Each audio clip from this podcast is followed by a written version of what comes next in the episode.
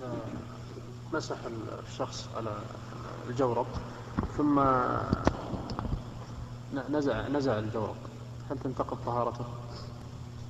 إذا مسح الجورب ثم نزعه فإن طهارته لا تنتقض باقية. باقية حتى يحدث. فإذا طلب منا الدليل قلنا الدليل على من قال إنها تنتقض لأن هذه طهارة ثبتت بالشرع فلا تنتقض إلا بدليل من الشرع وليس في الكتاب والسنة ما يدل على أن خلع الجورب إذا بعد مسحه ينقض الطهارة فيبقى على طهارته حتى يحدث ثم يتوضأ.